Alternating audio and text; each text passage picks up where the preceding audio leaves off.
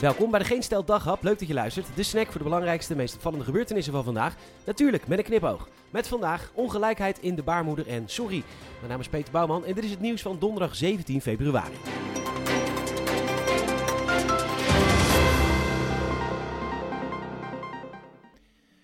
Sorry.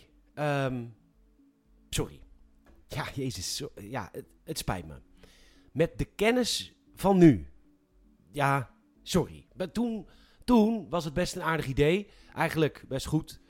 Maar nee, nu, sorry. Ik heb ook een, eh, een bloemetje gehaald bij de Shell. Eh, sorry. Echt. Echt sorry. Zo. Het is ook weer gebeurd. Kunnen we nu weer door? Ongelijkheid begint al in de baarmoeder. Dat staat in het boek Gelijk Goed Beginnen van Tessa Rozenboom en het AD schrijft erover.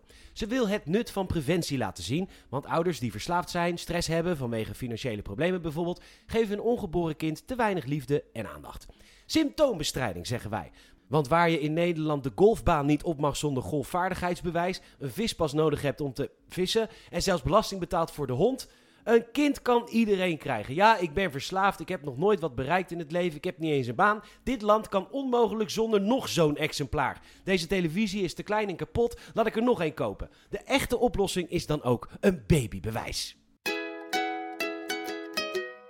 U heeft spijt van uw baby en besluit deze in de glasbak te soden flinkeren. Mag dat?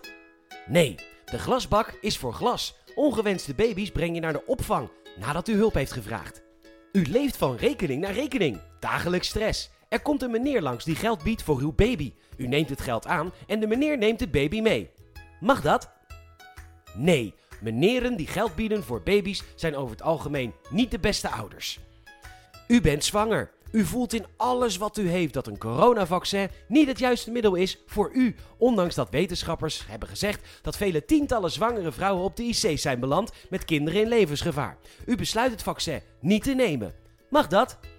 Ja, maar niet luisteren naar de wetenschap terwijl je zelf nooit een opleiding hebt afgemaakt vergroot de kans op dode baby's aanzienlijk.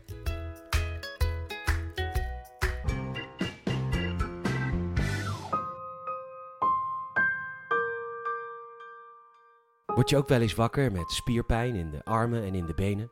Zere knokkels? Schoor van het schelden en tieren? U heeft waarschijnlijk iemand mishandeld. En dat is voor u heel vervelend. De persoon die u mishandelde wilde waarschijnlijk niet luisteren. Of keek u aan. Of was lelijk. Laat de beschuldigingen voor wat het is. Laat politie en justitie maar lullen. U bent het echte slachtoffer. Want als uw vriendin niet voor u had gekozen, dan was er toch helemaal niks aan de hand geweest? Dom kutwijf. In de categorie wat hebben we toch een gaaf land. Amersfoort heeft een autoluwe binnenstad. Ja, dat wist u niet, want de verkeersborden die dit aangeven zijn niet te begrijpen zo vaag. En dus heeft de gemeente er een camera opgehangen en in een half jaar 26.000 boetes uitgedeeld. Ja, zegt het Openbaar Ministerie nu, die borden waren wat vaag, maar het was absoluut niet de bedoeling om geld binnen te harken.